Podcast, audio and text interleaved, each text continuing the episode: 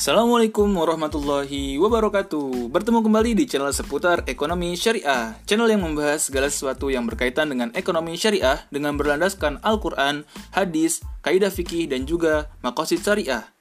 Terima kasih kepada pendengar yang masih setia mendengarkan podcast ini hingga episode ketiga.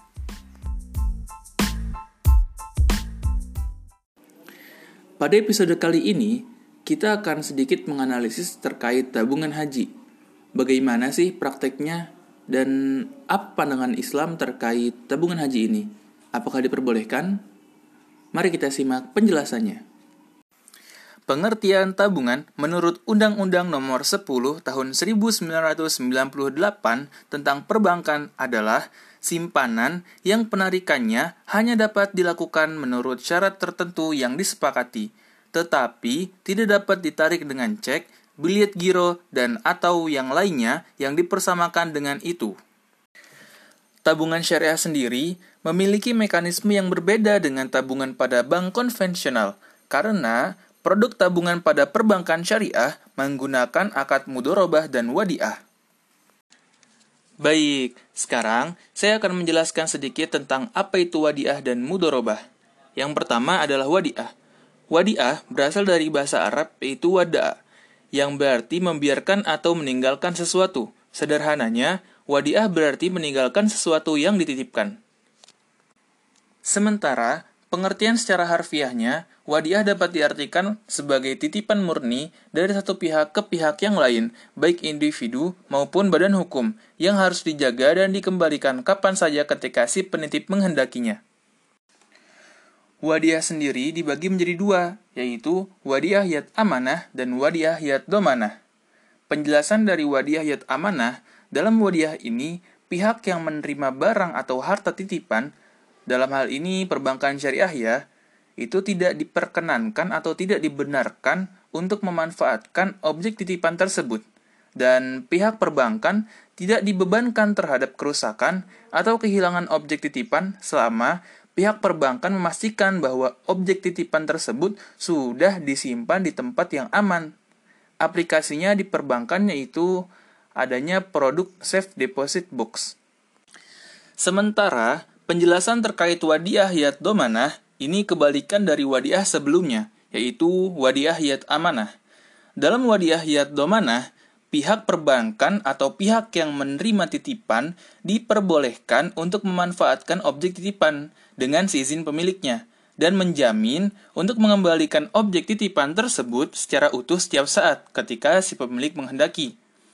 Konsekuensi dari akad wadiah ini, jika objek yang dititipkan itu hilang atau berkurang, maka sudah sepenuhnya menjadi tanggung jawab perbankan.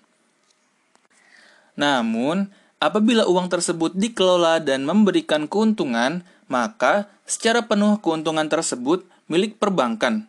Bank boleh memberikan bonus atau hadiah kepada penitip dengan dasar tidak ada perjanjian sebelumnya.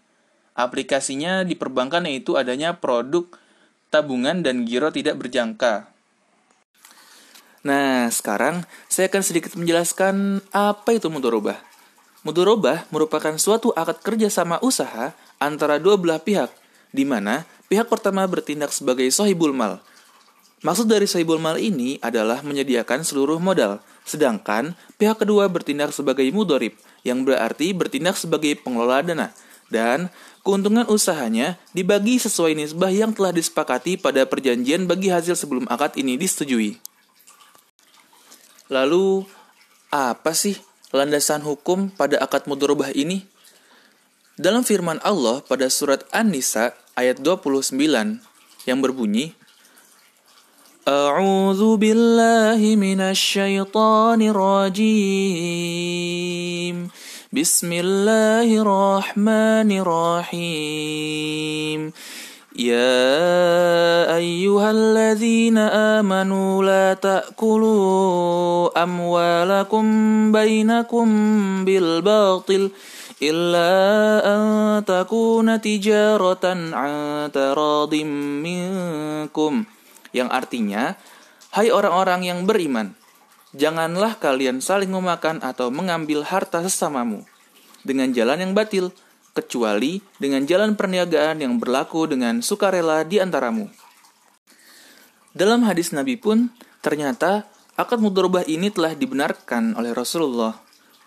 Dalam hadis riwayat Tobroni dari Abu Abbas, karena Sayyidina Al-Abbas ibnu Abdul Muttalib إذا دفع المال مضاربة اشترط على صاحبه أن لا يسلك به بحرا ولا ينزل به واديا ولا يشتري به دابة ذات كبد رتبة فإن فعل ذلك ضمن فبلغ شرطه رسول الله صلى الله عليه وسلم فأجازه Dari Abbas ibnu Abdul Muttalib, ketika ia menyerahkan harta sebagai mudorobah, ia mensyaratkan kepada dorib mudoribnya agar tidak mengarungi lautan dan tidak menuruni lembah, serta tidak membeli hewan ternak. Jika persyaratan itu dilanggar, si mudorib harus menanggung risikonya. Ketika persyaratan yang ditetapkan Abbas itu didengar oleh Rasulullah Shallallahu Alaihi Wasallam, beliau membenarkannya. Dan berdasarkan kaidah fikih terkait akad mudorobah ini, al aslu fil muamalah al ibahah illa an yadulla dalilun ala tahrimiha.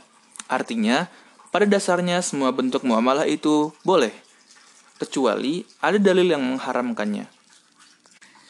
Jadi sudah jelas ya apa itu mudorobah. Selanjutnya, saya akan menjelaskan terkait pembagian mudorobah. Ternyata, menurut prinsipnya, mudorobah terbagi menjadi dua, yaitu mudorobah mutlakoh dan mudorobah muqayyadah.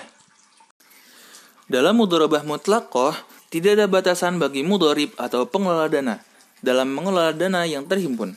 Nasabah tidak mensyaratkan apa pun kepada bank, kepada bisnis apa dana tersebut disalurkan, namun tetap pada bisnis yang halal ya.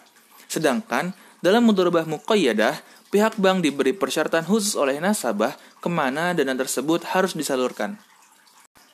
Jadi, ketika kita menabung di bank syariah, kemungkinan akad yang digunakan adalah akad wadiah dan akad mudorobah. Sekarang, saya akan mengimplementasikan tabungan haji ini pada perbankan syariah. Saya akan mengambil contoh pada Bank Syariah Mandiri. Pada Bank Syariah Mandiri, terdapat produk tabungan haji yang dinamakan tabungan mabrur.